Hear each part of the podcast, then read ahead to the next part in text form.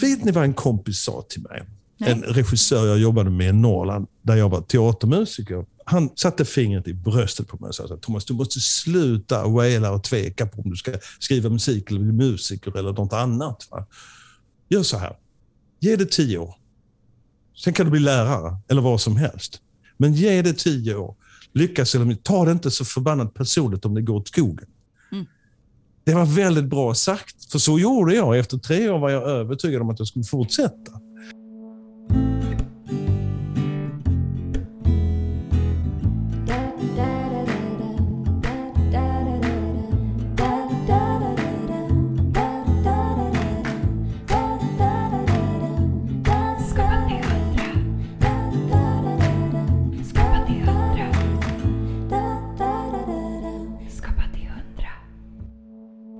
Idag gästas vi av fantastiska kompositören Thomas Lindahl. Vi pratar om resor som öppnar upp för skapandet, om vikten av begränsningar för att vara kreativ och varför fler vuxna borde se och höra mer barnkultur.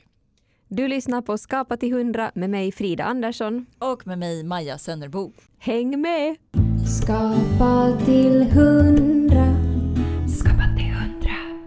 Hallå där! Hej Thomas, vad trevligt att träffa dig. Detsamma, detsamma. Här är min uh, vackra studio. Ja, det var väldigt fint där. Vet du det roliga var att jag tyckte att du såg bekant ut och sen såg jag att du har jobbat på Kulturama lite också. All right. Har du varit lärare där? Jag har, jag har haft låtskrivar kvällskurser. Ah, jag har ett, ämne som, som jag hittade på själv där faktiskt. Skapade, så filmmusik. Pågick i tio år och det blev till sist en obligatorisk kurs, vilket inte alls var min mening. Och det var inte speciellt bra att det blev det. Så för, för två år sedan slutade jag där. Men vadå, varför var det inte bra? För att det var, tog för mycket tid från din andra knäck? Eller? Undervisning, det är mm. så stimulerande när det är stimulerande. Men det är också, it eats you up alltså. Det tar så mycket tid. Ja, nej, men välkommen Thomas! Tack, tack. Kul att vara här. Ja, vi, vi brukar ju börja, börja podden med att hisspitcha våra gäster så att eh, folk är med på banan och vet lite mer om dig kanske. Och sen ska vi gräva djupare utifrån det. Får jag höra? Yes. I mer än 40 år har han skapat musikteater, operor och musik för film och tv.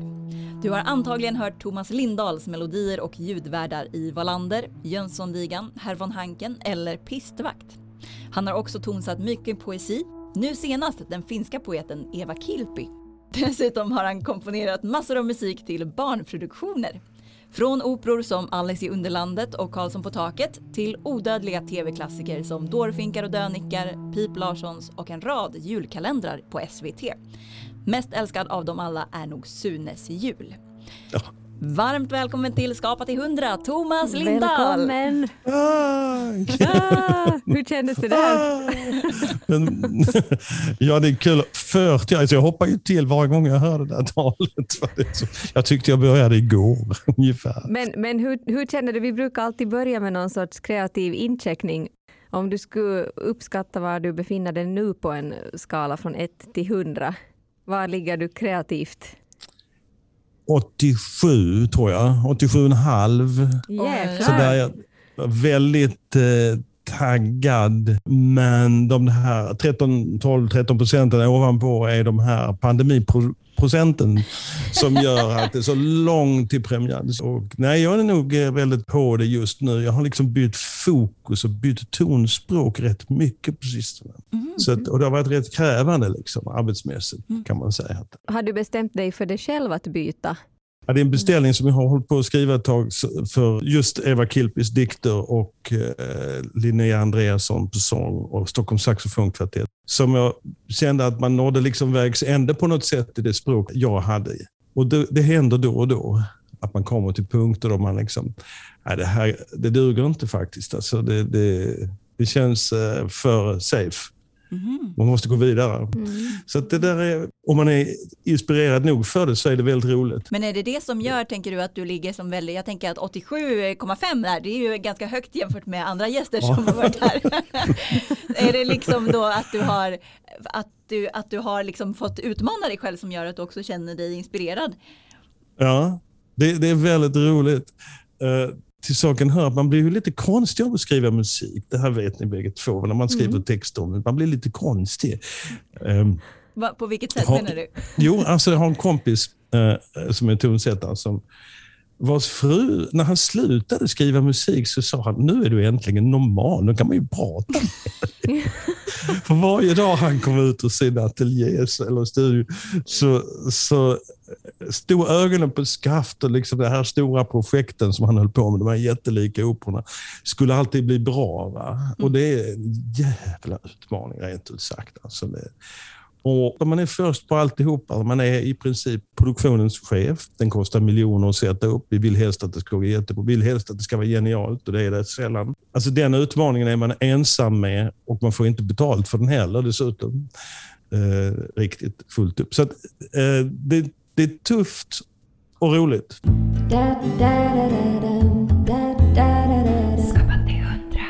Du nämnde ju här ditt, ditt eh, senaste projekt med Eva Kilpis poesi som du har jobbat med på sista tiden. Ja. Vi, vi vill ju gärna liksom gräva lite på djupet hur du, hur du gör när du komponerar så vi tänkte vi kanske kan ta det liksom som exempel. Så vill du berätta lite om det projektet och ja. hur det kom till? Det var en, en, en, sån här typisk dag där man tar en hel dag på biblioteket mm. och läser poesi och sånt där och letar texter eller dramer. Och, vad ska jag göra om fem år och sådär. Har jag några bra idéer och sådär. Och det slutar oftast på lyrikavdelningen. Jag, är, väl, jag är väldigt förtjust i poesi, så det, det, det, är inte så svårt för mig att sätta mig där fyra timmar liksom och läsa. Men um, så finns det olika poeter och man slår upp böckerna och så plötsligt så eh, snubblar man över eh, dikter som sjunger för en som har sången liksom på något sätt i sig. Va? Och De kan vara hur ojämna som helst i versmått och hopplösa. Det är inte några rimdikter. Det kan också vara väldigt gamla dikter. För några år sedan hittade jag eh, Percy Shelley, Busey Shelley och Mary Shelley där, och skrev Twilight Songs för Västerås Sinfonietta. Och, och, det var samma sak där. Plötsligt så snubblar man över poesi som är så vacker. Eller det behöver inte vara vackert, men i det fallet var det vackert. Kilpi är något annat. Hon är ju en ikon egentligen från 70-talet väldigt mycket. Och jag kommer ihåg när jag var på 70-talet när framförallt mina kvinnliga kompisar älskade Eva Kilpi. Jag var lite sådär, ja. Mm. Eh, men, och sen när jag läser henne nu så känner jag, wow, det här är ju döbra. Det här är jättebra och, och levande. Och Då får man börja leta i dikterna. Så har jag tagit fram tio, tio dikter tror jag är tonsatta. Och så instrumental musik. Och så gör vi ett helt program hon är så eko, hon är ekofeminist. Jag vet inte riktigt vad det innebär, men hon är ekofeminist. Det vill säga hon, det är mycket miljö och natur. Och, ja. och det är i hennes poesi också, i själva texterna? Ja, alltså de dikterna har inte jag tagit med som handlar Nej. om naturen egentligen, utan det är mest relationsdikterna. Mm. Och dikterna som handlar om, eftersom man ska ställa någon på scen, va, så är det ju inte bara sång som man gör, utan en, en, en sångare ställer sig på scen, en, sång, en musikdramatisk sångare ställer sig på scen och de är subjekt eller objekt så att säga. Man måste liksom ge dem någon sorts polarisering även om det bara finns en person på scen. Mm. Alltså, där, där, är en, en med faktiskt. En, en finns det pyttesmå sniglar, vad heter Den är med. Eh, alltså en finns det pyttesmå sniglar? Heter den, heter den så? Nej, det heter En finns det pyttesmå... Vad heter det? nu har jag glömt vad den heter. Bara för att jag är lite stressad. Ta det lugnt. Eh, jag tror att vi kommer upp på Folkoperan i september. Om corona vill. Mm. Mm. Hoppas.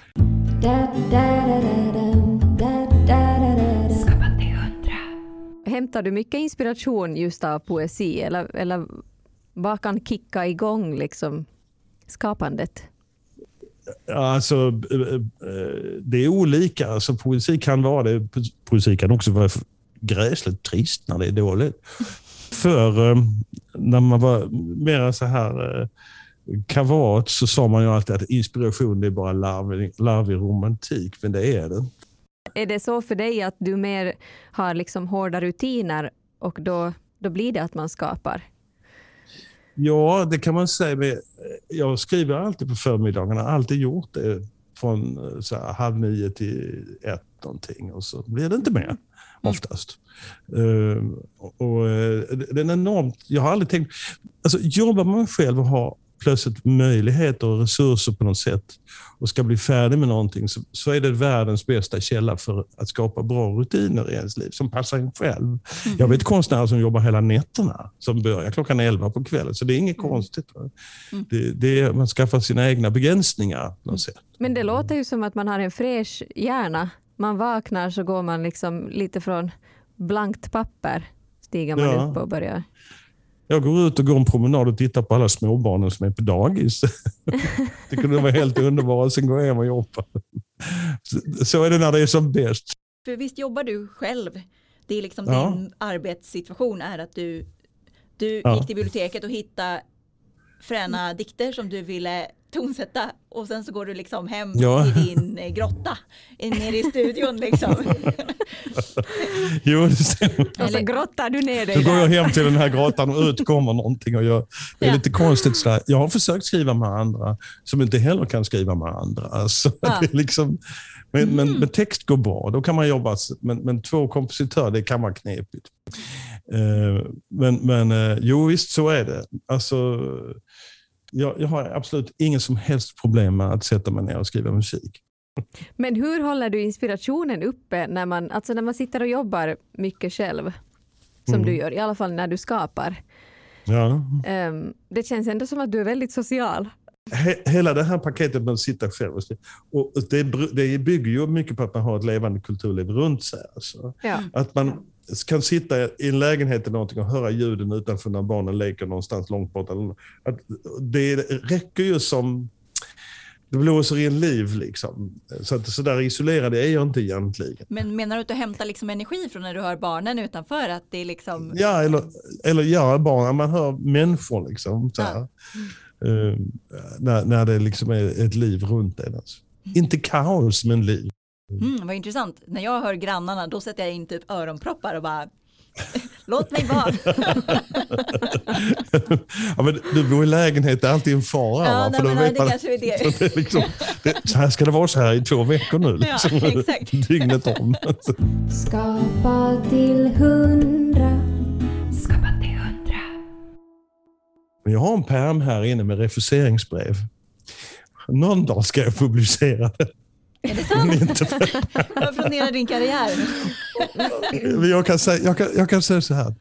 Egentligen är den permen mycket viktigare än det man har gjort succé med. Mm. För där finns ett par refuseringsbrev som är riktigt bra. Saftiga, roliga, svepande, elaka. Men han hade helt rätt, den där skivbolagskillen.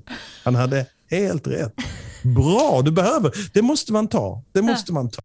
Gräv inte ner den. Gå in och gråt och så fortsätt. Mm. Det, det, alltså man kan inte gräva det, den där gropen åt sig själv som man så lätt gör när man sitter hemma. För därför har jag grubbelförbud när jag arbetar. Jag får inte grubbla. Mm. Så.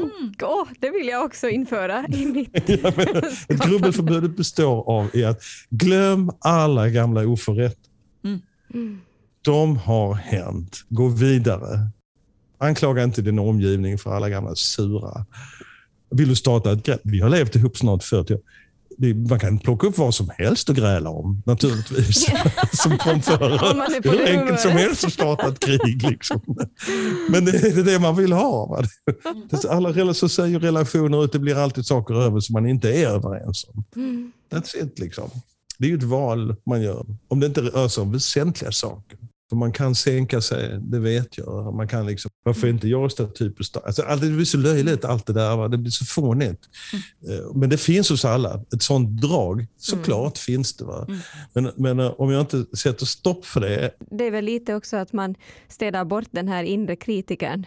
Den inre kritikern kan ha andra, andra uppgifter. Den, eh, den inre kritikern måste vara med, men han kommer in, eller hon kommer in senare. Mm. I ett annat läge. Men den här eh, riktiga surkarten, den ska bort. Liksom, det funkar inte. Men vad, har du, har du liksom någon stoppknapp eller har du någon metod för det? För jag antar att nej, grubblaren kanske ändå har stuckit in sin nos någon gång. Liksom. Eh, vad, oh. vad gör du liksom för att skjuta bort den? Idag blir jag ganska lätt av med den, men när jag var ung var det inte så. Mm. Det var det mycket mörkare ögonblick. Och det är utifrån det jag har lärt mig att man kan ju odla det där till oändlighet tillsammans med andra som också har en sån där grubbelnisse på axeln. Va? Så kan man lätt bilda ett litet sällskap. De möter, de möter ju varandra på Facebook idag. Ja. på internet. Och de har kontakt med varandra. Men liksom, det, det hjälper inte. Va? Skapa till hundra.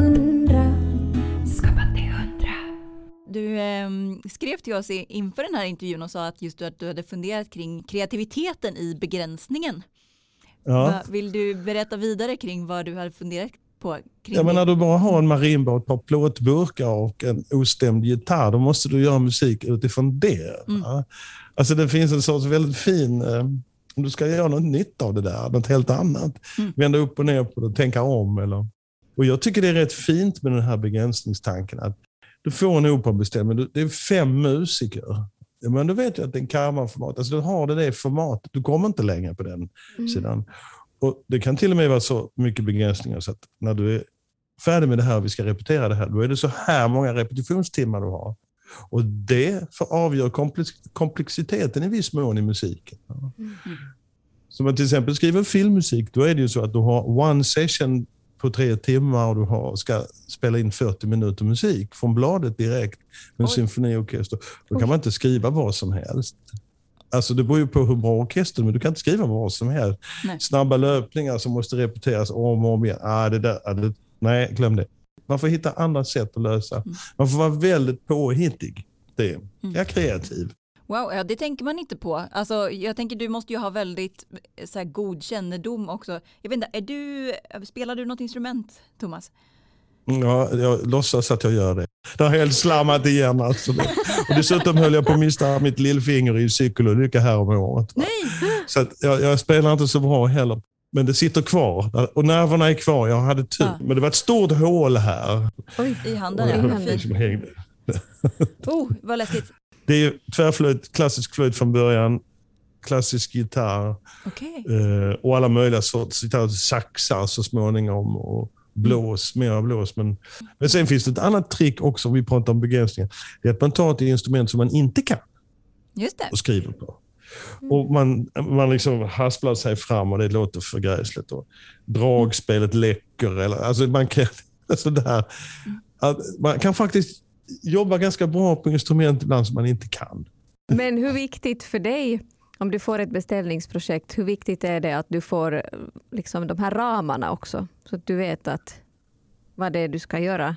Oftast kommer ju en beställning, ah, oftast får man ju en beställningsförfrågan utifrån, antingen utifrån en institution som frågar och då finns det de resurserna som finns. Eller så är frågan att man själv har idén, vilket är det vanligaste. Och då går man till någon som man vet kan. Och då finns det, eh, ska vi göra det här med symfoniettan? Det är 30 minuter långt ungefär. Och det kräver ett par dyra solister eller en solist eller två eller vad, vad har vi råd med? Ja, vi kan ta så. Och så, och så får man deala där och se hur, hur, hur långt man kan gå. Och jag menar, det kan ju vara bra att någon sätter begränsningar. Nej, du ska inte få 17 tubaspelare på den låten. Det, liksom, alltså, Det får fan räcka med 15 nu. Ja, just det. Jag, jag gillar det där med att man, man, det finns ett tak också för vad man kan göra. Jan Löv, ni vet, tecknaren, den är underbar. Mm. Just det, som har skrivit om äpplet va? Just det. Ja. Åh, den är... och, och ehm, han sa det, man ska, en konstnär ska aldrig göra någonting han eller hon inte klarar av. Mhm. Väldigt intressant, tycker jag sagt. Jag förstår undertexten vad han menar. Vad menar han då? Han menar att man gott kan utmana sig själv, men man ska aldrig gå ut på sådana här områden där man inte kan klara, klara någonting. Och det gör ju alla ändå. Va? Men det finns, han, han bjuder ett motstånd. Han är sådär stabbig och konservativ. Och I hans animerade filmer så rör sig folk i ultrarapid och säger tre ord i minuten. Så här, det är, det, är en, eh, han är skithäftig. Jag är stor beundrare. Men, men känner du att du inspireras av att, att ha en press på dig Ja, att leverera? Ja, en deadline är alltid, den, den smakar alltid. Man måste älska ljudet av ett förbipasserande deadline. jag tycker det är helt underbart.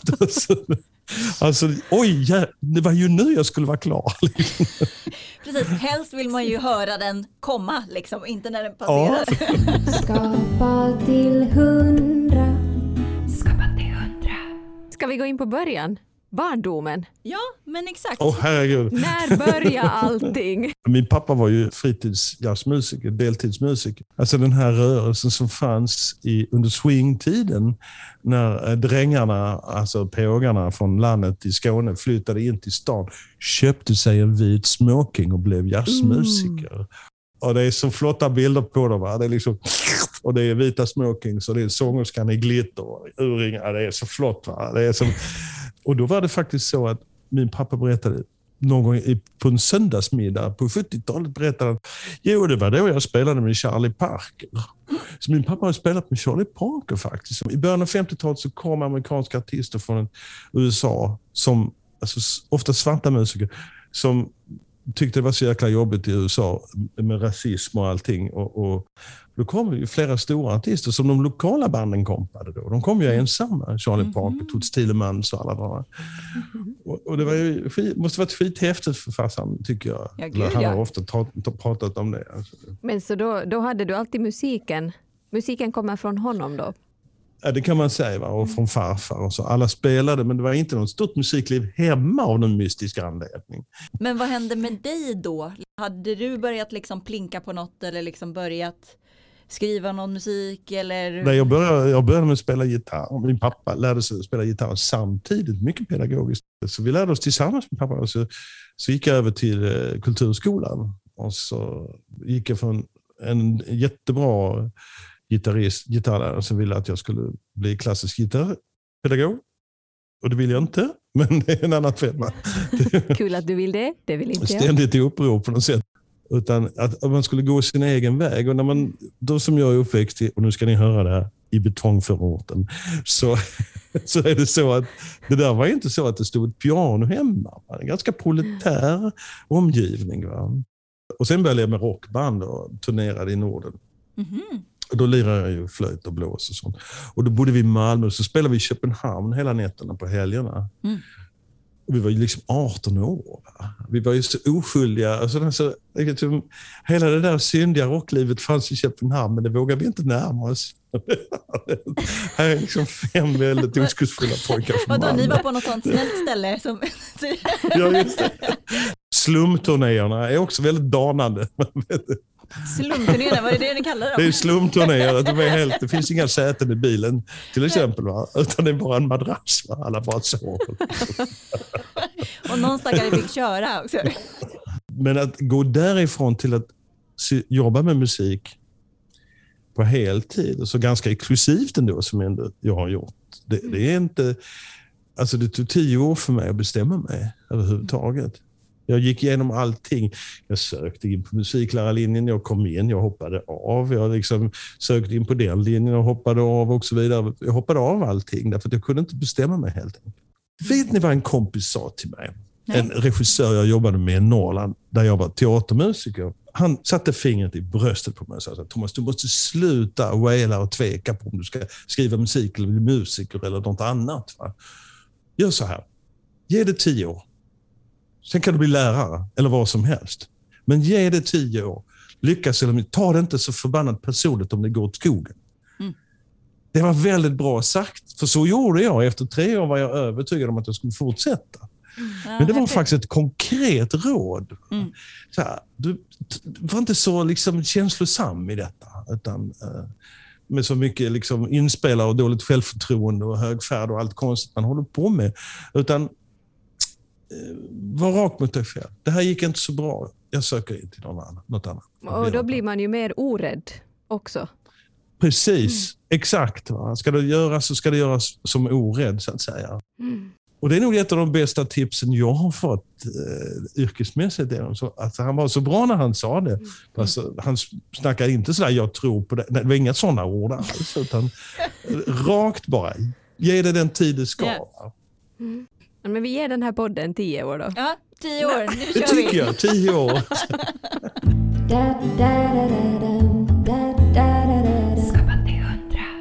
Men sen då när du hade börjat, eh, ska vi säga kompositör, banan. Så hur hittade du din stil? Det var faktiskt filmmusikens fel. Att jag hittade, alltså det danar, alltså när man måste skriva väldigt mycket på beställning under väldigt kort tid. Man måste skriva för instrument som man inte kan. Man måste göra hela tiden utmana sig. Imorgon har du studio, du måste spela in. Det kommer en stråkkvartett imorgon, du har aldrig skrivit för stråk. Det kommer Sveriges bästa stråkkvartett. Åh herregud, vad ska jag göra? Det var så.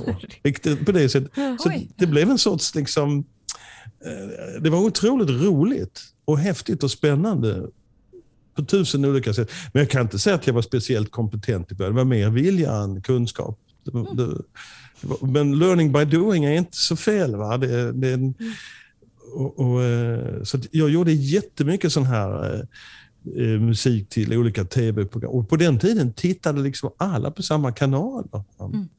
Eh, och, och, ehm, så jag kunde komma hem, när jag hade flyttat till Stockholm så kunde jag komma hem till mitt tiovåningshus där jag växte upp. Liksom. Och då kunde grannarna komma ut och säga, åh gud, den där musiken hörde på tv. Och det var ett program som hade gått klockan två på dagen. Liksom, som någon, när barnen hade haft på tv. Och så. Alltså, Det var fanns så mycket närmare liksom, action till vad man gjorde. Bara, det pös inte bara iväg någonstans på någon streaming-sajt eller något sånt där. Så det, idag, att, det måste jag säga, det var rätt häftigt att man kunde få reaktioner och recensioner och, och reaktioner från, från publik och, och, och media. Va? Det, det, det är stor skillnad. Idag kan man göra som min senaste platta, den recens- har inte ens recenserats än. Och jag visste att det skulle vara så. Att man, man lägger saker i gropen på Spotify så, så händer ingenting. Alltså. Det finns miljoner ospelade låtar på Spotify. Men du har i alla fall en härlig katalog. Om du tittar på min Spotify så är det, en låt som ligger på topp. Det är den enda poplåten jag har Ja. gjort. Peggy Peggy Song. Peggy Song, ja. Och det är till ett tv-program som gick 1986, 87 någon gång. Hunden som log heter den. Ja, just det. Ja, den har jag lyssnat på över miljonen och det är ju ingenting i Spotify-sammanhang egentligen. Men jag köpte faktiskt en flaska champagne när det gick över miljonen. Ah, bra. Det gjorde du Det i. man verkligen göra. Ja, jag tänkte, en miljon, herre Jesus, det är jättemånga människor. Ja. Men du, jag tycker vi släppte den lite för tidigt med ditt sound. Tänk dig historien så här. Eh, 70-talet var mycket konkret när det gällde tv. Det var liksom den- de här naturliga hem till byn och allt. Det fanns ingen musik i det där. Liksom. Det, fanns ingen, det, det sättet att berätta fanns inte. Och så, och så kommer någon och skriver musik i den där genren. Och, och då säger allihopa yes, jag fick jobb med alla. Eh, och, och därför att platsen var ledig. Det kan vara så. Och då blev det mycket skriva och, och det var väldigt kul på många sätt och vis. Men den klangen växte utifrån det.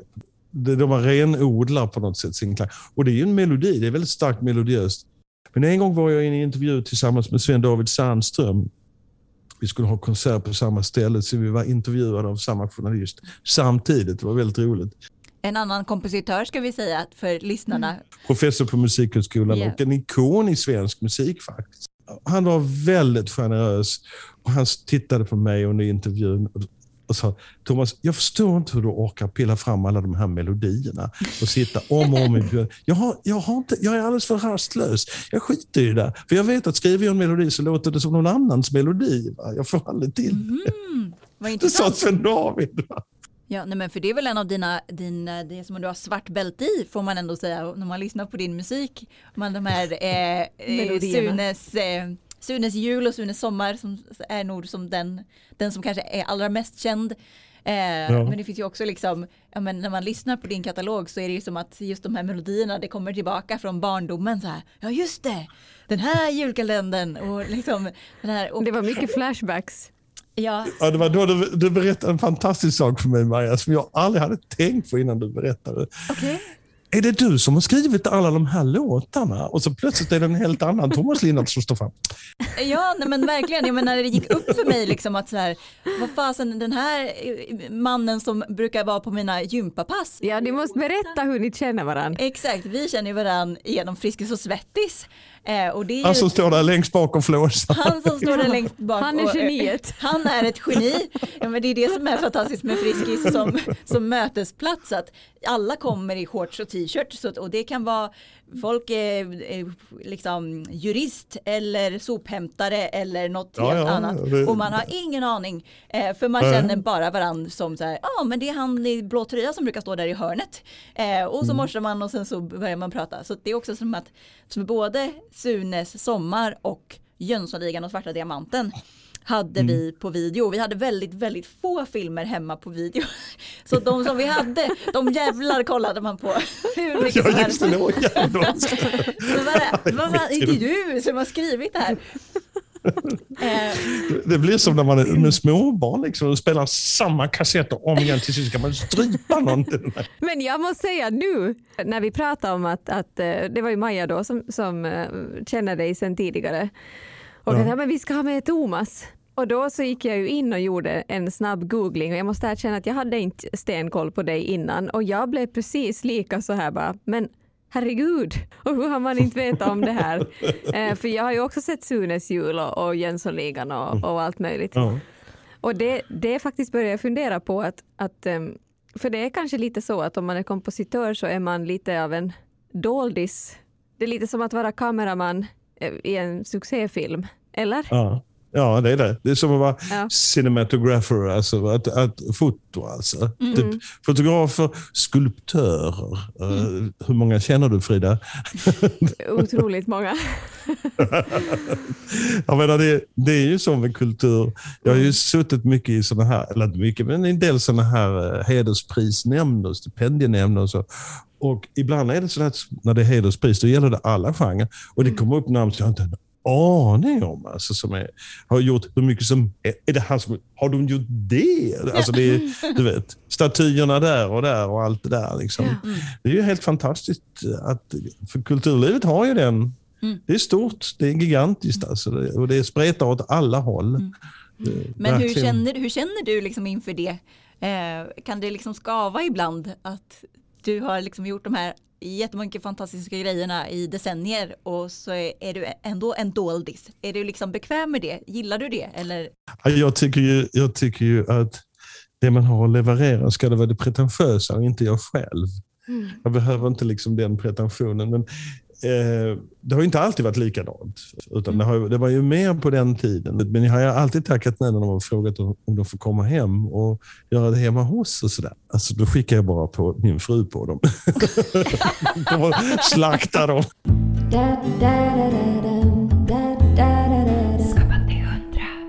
Jag har faktiskt varit melodiradioproducent på P3. Det var så jag hamnade i Stockholm egentligen. Jaha. Jag, jag sökte ett jobb nämligen och på radion som melodiradioproducent och kom till Stockholm på sommaren någon gång, 79 var det väl, eller något sånt där, efter massa långa turnéer. Så På den tiden hade man gubbar som satt i rum och rökte och löste korsord och, och gjorde melodiradiotimmar. Men Sommarviken, det var ju de där originella, som, det var musikerna som kom in. Det var Janne Forsell, det var Monica Zetterlund vickade och alla möjliga var där. Liksom. Och det var rätt kul sådär, man träffade folk. Och ny i Stockholm. En kompis hade jag i Stockholm. Men och sen har du stannat kvar efter det? Sen stannade jag kvar, ja. Jag tror också, om man ska tillägga någonting till det kreativa eh, varseblivandet så att säga, så kan man säga att jag tycker man måste göra en resa. Jag tycker en resa, den kan vara mental, eller, men man måste göra en resa i alla fall så att man inte bara är kvar där man var. Från, man kan åka tillbaka sen, det gör ju alla islänningar till exempel. De åker alltid hem förr eller senare. Fast att de lever i Hollywood och sånt där, så säger de upp sig och åker hem. Men menar du alltså en fysisk resa också för dig eller tänker du att det är en kreativ resa man, som man måste göra, alltså någon slags utvecklingsresa? Ja, men du måste utsätta dig för någonting i alla fall. Mm. Som gör att du gör ett val. Det kan vara en resa, det kan säkert vara något annat också. Men, men ofta formulerat som en resa. En regissör jag jobbar mycket med, vi, vi reste aldrig tillsammans, men vi gjorde små liksom, interna resor. Vi gick på konserter, vi liksom använde väldigt mycket tid tillsammans innan vi började jobba för att liksom, läsa och komma fram till saker och ting. Det var också en sorts resa. Va? Då kommer man ju tillbaks på något sätt som en ny människa, fast man har allting med sig.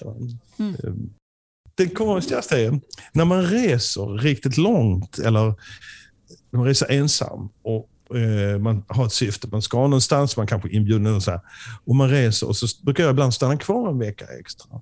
Och bland annat var jag just i Sydafrika, där stannade kvar en vecka själv. Och det är lite jobbigt att vara i Sydafrika ensam. Ja, man är väldigt dum i huvudet som vit. Man fattar inte vissa saker. Liksom allt det där. Men det är som att man försvinner ut i världen. Man- blir en ingen. Man har inget namn, det är ingen som känner en. Man vet inte, liksom, man blir totalt, man blir så ensam så att det är inte klokt. Och det är en väldigt häftig upplevelse faktiskt. Men jag känner att man öppnar sig för upplevelser av, av, av till exempel konst och sånt på ett helt annat sätt. Det finns ingen vardag som man måste sköta på något sätt. Det finns ingen, man behöver inte försöka sköta någonting. Mm.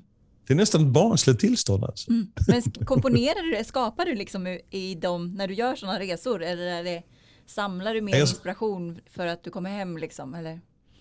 Ja, jag, jag var då och lyssnade på mycket afrikansk musik. Men visst, jag samlar ihop eh, tankar kring det. Hur man, liksom, det är påverkande. Jag kan åka hem till Malmö idag, t- gå ut på stan, gå på bad, kallbadhuset ute i, i Öresund och sånt. Och träffa precis samma människor som jag satt där och pratade med för 40 år sedan. Liksom Inget har hänt. om samma sak.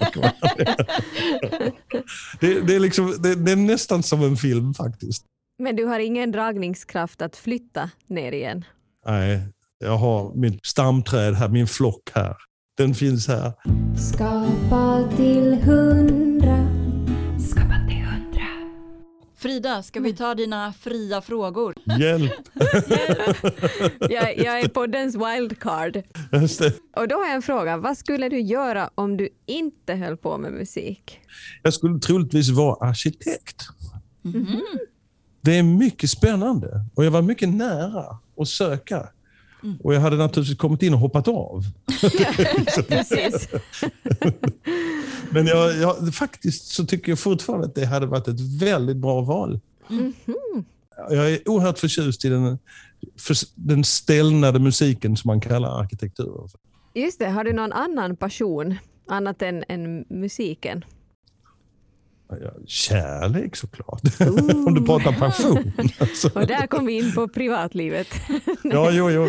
Men kärleken kan också vara omfattande till världen och allt möjligt sånt där. Jo, jag bakar på min fritid. Jag bakar surdegsbröd och bakar allt bröd som äts här och delar ut till alla möjliga. Och knäckebröd och spaghetti. Jag bakar det mesta liksom, för jag gillar det. Wow. Jag bor i Årsta om du har vägarna förbi. Ja, just det. Vad är det konstigaste du hämtar inspiration från? Ja... Tyska. att, lära, att vara i Berlin. jag har inte varit där på länge. Men... Och min Siri pratar tyska. Ja. Till skillnad från en gäst tidigare som sa att hennes, hennes Franska. Siri pratar franska. Har du varit i Tyskland och så, och så blev det så? Ja, jag, har satt, jag har satt igång henne på tyska därför att jag tycker att då får jag träna min tyska hela tiden. Aha, Det är ett vilket, väldigt intressant sätt att träna språk på. ett lifehack. Ja. Vad är det viktigaste i ditt liv just nu?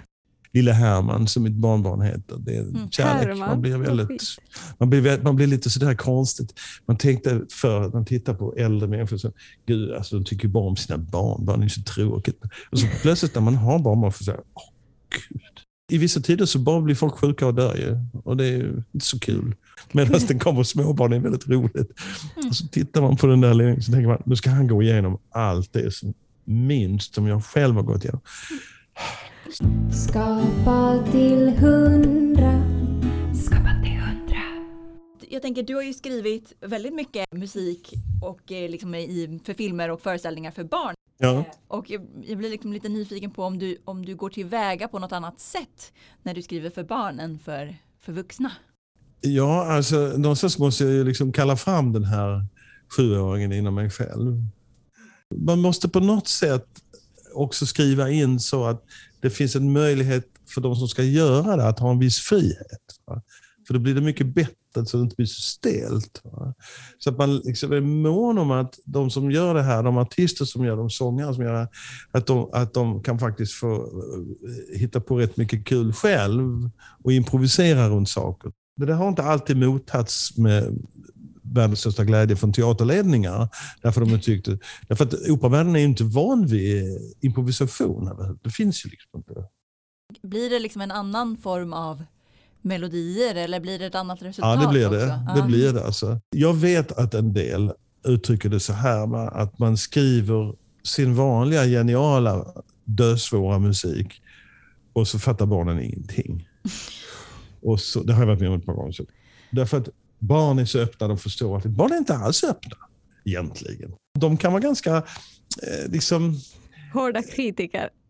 Ja, alltså de kan vara förutbestämda. För, alltså det, man måste fånga in dem. Liksom, och det är de ju lätta på att göra. Alltså, men, men det är inte säkert att de är så himla öppna egentligen. Va? Det jag tycker att vuxna människor ska konsumera mycket mer barnkultur än vad de gör.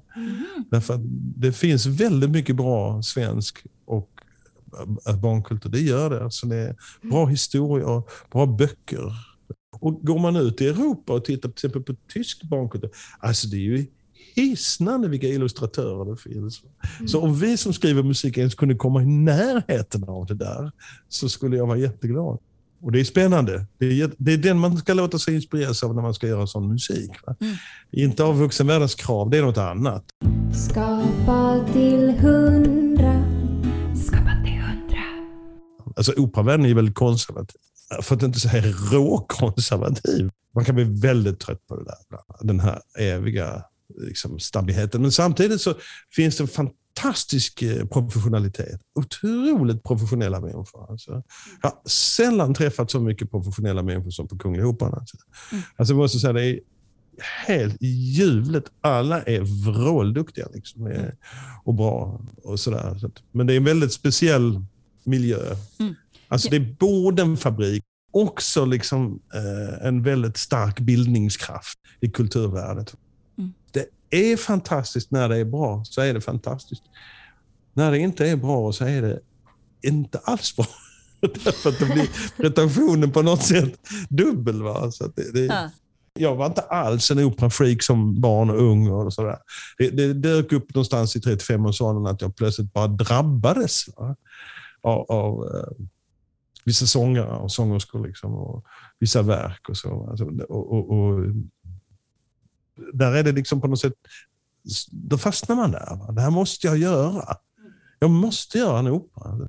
Ja. Så det var du som sökte dig dit liksom ändå eh, till operavärlden? Ja, jag fick frågan faktiskt från, från Göteborgsoperan då. Och, och deras lilla scen om att skriva min första opera. Min första opera var ju inte bra naturligtvis. Den är ju, det är det aldrig. Va? Men vi står ju på varandras axlar och det är, det är en- det är en stor skillnad mot förr och, och idag att man kunde kanske förr, om man var enveten och tjatig, ha längre uppstartsperiod än vad man får idag. va. Ofta är det, finns det liksom ett krav, ett outtalat eller uttalat krav på att om man inte gör succé på första så är man out. Mm. Det är liksom, Bergman gjorde väl åtta filmer, sex, åtta filmer innan Mm. det blev något riktigt bra. Symfoni 1, 2, 3, 4, ja jo det är säkert jättebra. Men vi går till 24, det är mycket bättre. Liksom. Ja. Alltså det, det, det där liksom att vi står på varandras axlar hela tiden och det glömmer man ofta. Att, Mm. att man över kunskap och erfarenhet. Och trots att man tror att man uppfinner allting själv så är det ju redan uppfunnet. Tyvärr. Da. Da, da, Har du något favoritinstrument som du märker att du alltid vill slänga med? Det instrument som är favoritinstrument, det är det som man jobbar med just nu. Liksom. Det som man skriver för just nu. Mm. Och det har ju varit saxofoner. Och saxofoner är lite speciellt. För det, det kan lätt bli cirkusorkester av det där. Att de, för de kan spela vad som helst. Stockholms saxofonkvartett är nog en av världens bästa i sin genre. Och de spelar väldigt mycket ny musik och de är fruktansvärt bra. När man skriver ny musik så är det väldigt det är en del musiker som verkligen vill ha virtuos musik. För det är muskler, det är liksom svarta notsidor. Och liksom, Lite teknikuppvisning liksom? Ja, det ger en viss kraft liksom att spela virtuos.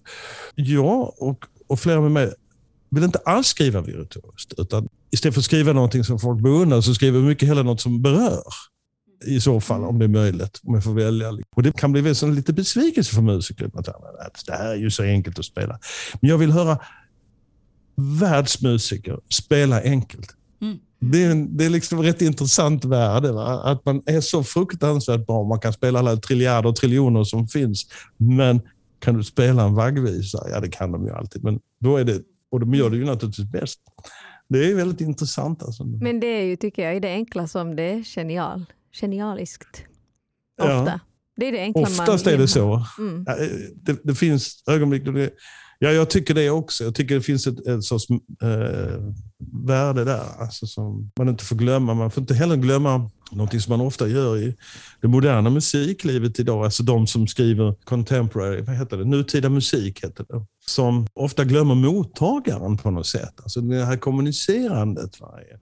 Jag kan sakna vissa känslor hos nutida musik. Det finns en stor tradition av liksom lite kyla sådär, va, som är lite tråkig. Och jag har alltid haft en stor beundran för Igor Stravinsky.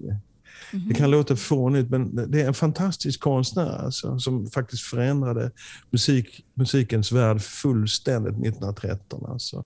Och eh, hans generationskamrater då, alltså Prokofjev och Sjostakovitj och det gänget. På den tiden var det ju så, det fanns ju ingenting att göra. Alltså på den tiden var det så i gamla Sovjet att när han hade liksom uruppförande av en symfoni, då gick den på radio, då lyssnade hela Ryssland alltså, på hela symfonin. I arbetarbrigader. Alltså, det är helt otroligt. Alltså. Alltså det, det var ett uttryck, det var en berättelse som man åhör. Det är jag mest fascinerad av, att man kan skriva musik. Bara musik, ingen sång, ingen dramatik. Som är en berättelse liksom, på något sätt. Vad det nu är för berättelse. Ordlös. Och, det, det är väldigt fascinerande.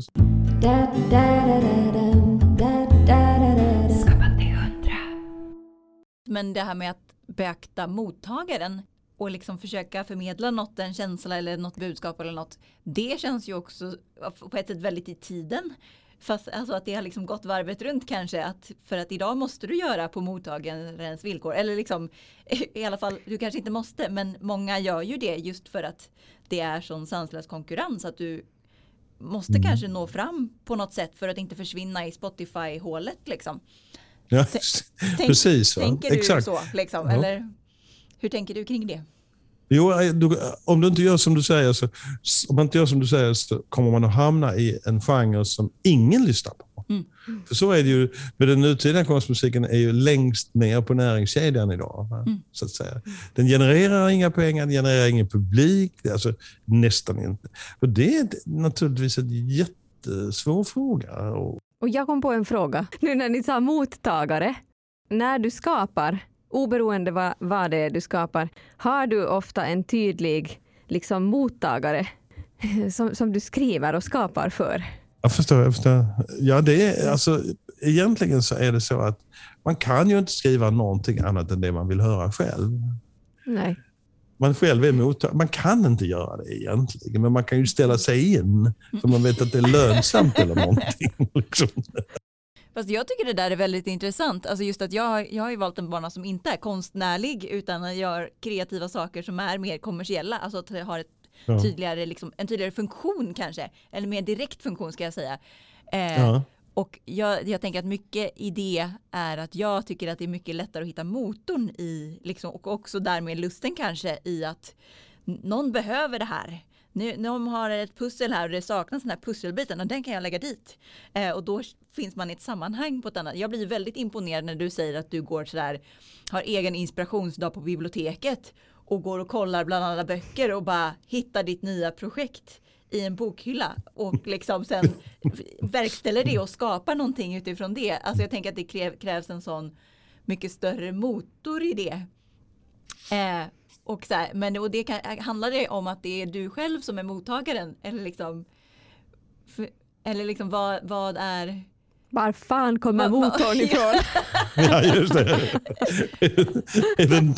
Ja, nej, men alltså motorn ligger i, i lusten när, när, när det liksom, den lever sitt eget liv, så att säga. Ja. Den där boken man hittar, tar Ja. fram, eller den där texten eller vad det nu handlar om. och Så. Att när den lever sitt eget liv, plötsligt i min hjärna. Och det, det är samma tillstånd som när man är ute och reser är helt ensam och inte behöver... När man kan liksom befria sig och, Mm. Och eh, min fru brukar säga mig, en av mina starkaste förmågor genom åren har alltid varit att jag kan isolera mig från allting. Mm. Och det, det må anses vara en mycket specifikt manlig egenskap, sett till att någon annan sköter allting runt om. Liksom. Mm. Du går ner till din källare. Ja, man går ner till källaren och, och så är helt isolerad och, och, och eh, kommer ut och är jättekonstig. Och är liksom...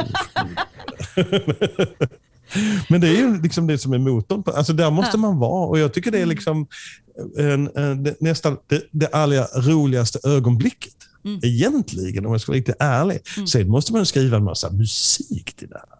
Mhm. Alltså, det, det kan vara lite träligt. Alltså, från, skriva kontraktet är ju naturligtvis alltid det roligaste. Men eh, sen, det ska, Sen går man hem och får huvudbry. just det. Skapa till hundra. Skapa till hundra. Eh, Finns det någonting som var bättre förr med komponerandet? Jag tänker snarare så här. Vad är viktigt? Nu är viktigt och det som nyss var. Naturligtvis ska vi ha en historia, men det, det gäller ju, och det gäller ju kanske framförallt när man blir lite äldre. Jag har alltid trott liksom att man bara fortsätter och det gör man. Alltså även om man så småningom blir riktigt gammal och, och, och ingen vill ha en så fortsätter man ändå. Liksom, på något vis. Man har alltid hållit på. Och det beror ju liksom på när man började. Om man började som barn, som väldigt ung, så, så har man liksom, så, så har det varit ett yrke, men det har också varit någonting som man bara leker vidare med hela tiden. Mm. När man är vid den tiden i livet då backspeglarna blir mycket större än vindrutan. Det var väl en fin metafor. Det var fint. Den hörde jag häromdagen. Och det, då är det faktiskt väldigt viktigt att det är framrutan som gäller. Mm. Mm. när folk kommer så här 60, 65, 70 plus. Jag märker att många slutar och sådär. De tappar allt, de blir besvikna och så. Och, och, och pensionerar sig och försvinner in i en tystnad och, och sådär. Och jag tycker, eh, jag tycker det är roligt när folk håller på. Ja. Och så blir sådär gamla som Bosse Skoglund som dör när han är 85 och är en av de bästa trummisar jag någonsin har hört. Ja. liksom. Men Det- tror du det- det, är det för att inspirationen tar slut eller för att de känner att de är liksom avdankade? liksom, varför, varför skulle man sluta, tänker jag. Det finns nog alla svar på det. Va? Det, Mm. det finns nog alla. Liksom, jag, jag kan tänka mig att man får inte så mycket frågor längre. Mm. Och när jag var 35, hur ofta ringde jag 80-åringar som skulle komma och spela piano? Det gjorde jag inte. Det, det är så att, Sverige är väldigt, eh, tycker jag, åldersrasistiskt på det sättet. Det är väldigt, eh, till skillnad från till exempel USA och sådär, att, som är rasistiskt på alla andra möjliga sätt och vis, men inte just med ålder. För att där är liksom, det, det, det är ganska coolt förhållande till ålder, känner man. Mm. Att de är liksom, har lätt för att ta, behålla varandra på något sätt. Va? Det- Som levande. Men, Mm. men känner du att du har liksom lusten i behåll om du liksom har tittat på att många andra trillar av? Och vad tänker du i så fall har varit nycklarna till det? Ja, jag har alltid varit ganska optimistisk. Jag är ingen sån här optimistfjant, men, men jag är, ganska optimistisk i, sin, i min in, inställning. Liksom att jag var så dyster när jag var ung, det räcker. Jag var så Du liksom passerade det då. 30-åring. Fy faro. S- Alltid svartklädd. Alltid, Allt det där liksom. Nervösa. Nej, så nu är det bättre nu i så fall. Skapa till hundra. Skapa till hundra. Om man vill bli som du, alltså film, filmkompositör, eh, musiker, eh, har skrivit för barn, film, allt som du har gjort. Var ska man börja då? Det är bara att söka, söka, söka, söka. Och jag känner, ibland kan jag tycka att eftersom jag inte själv kommer från medelklassen så kan jag säga att människor som kommer från medelklassen är lite väl lata alltså, emellanåt när det gäller. Det är en hård kamp att ta sig fram i en sån här business och det är väldigt viktigt att liksom skicka till alla som man vill jobba med. Gör bort dig. Tveka inte. Var inte rädd för att höra av dig. Hej, jag skulle vilja. Kräv ett svar.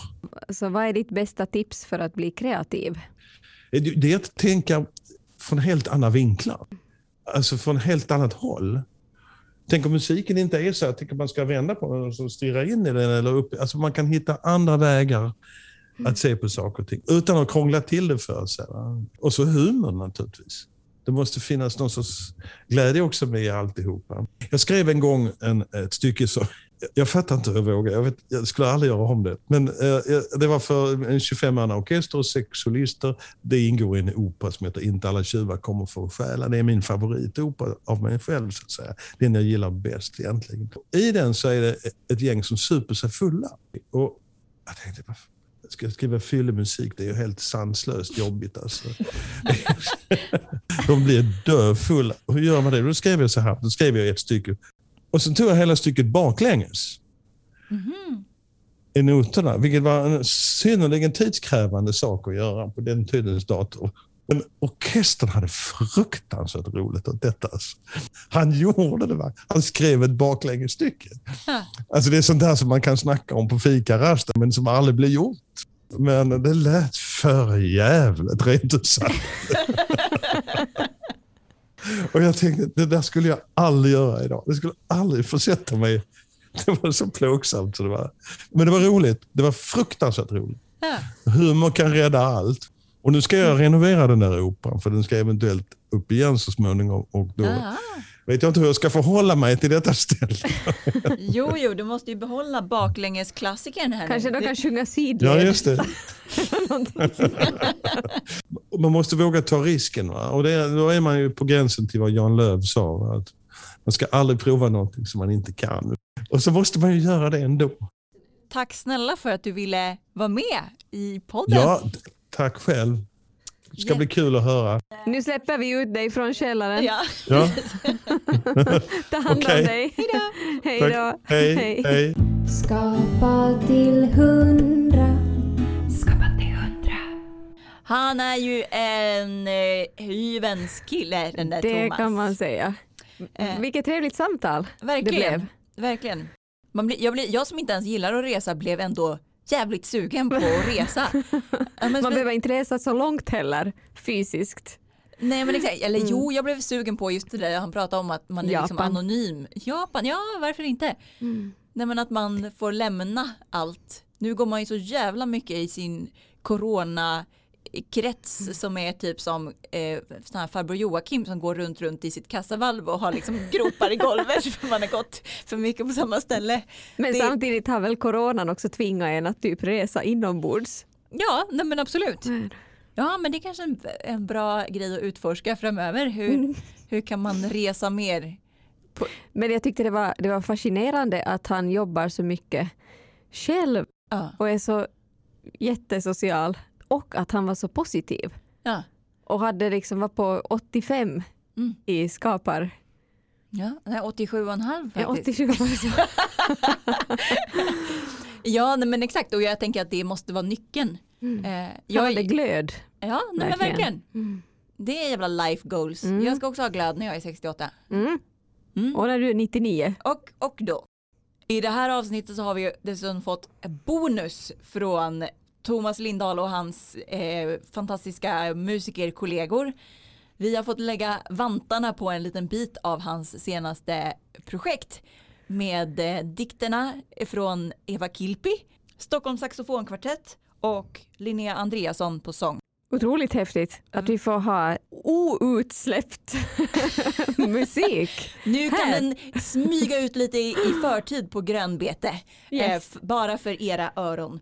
Eh, och det här är alltså en föreställning som kommer gå upp i höst hoppas man när eh, pandemin har släppt greppet eh, på någon av de stora scenerna runt om Stockholm. Vill, är man nyfiken på det så kommer det säkert information på Thomas Lindahls hemsida skulle jag gissa. Njut nu av Yay. detta.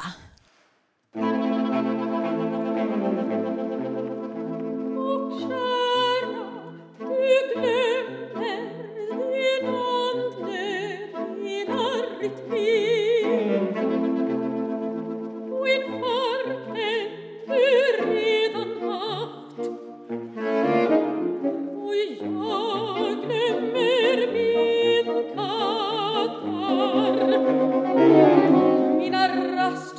jag och det ständiga gnaget i vänster sida. Nu trotsar vi sorger och möten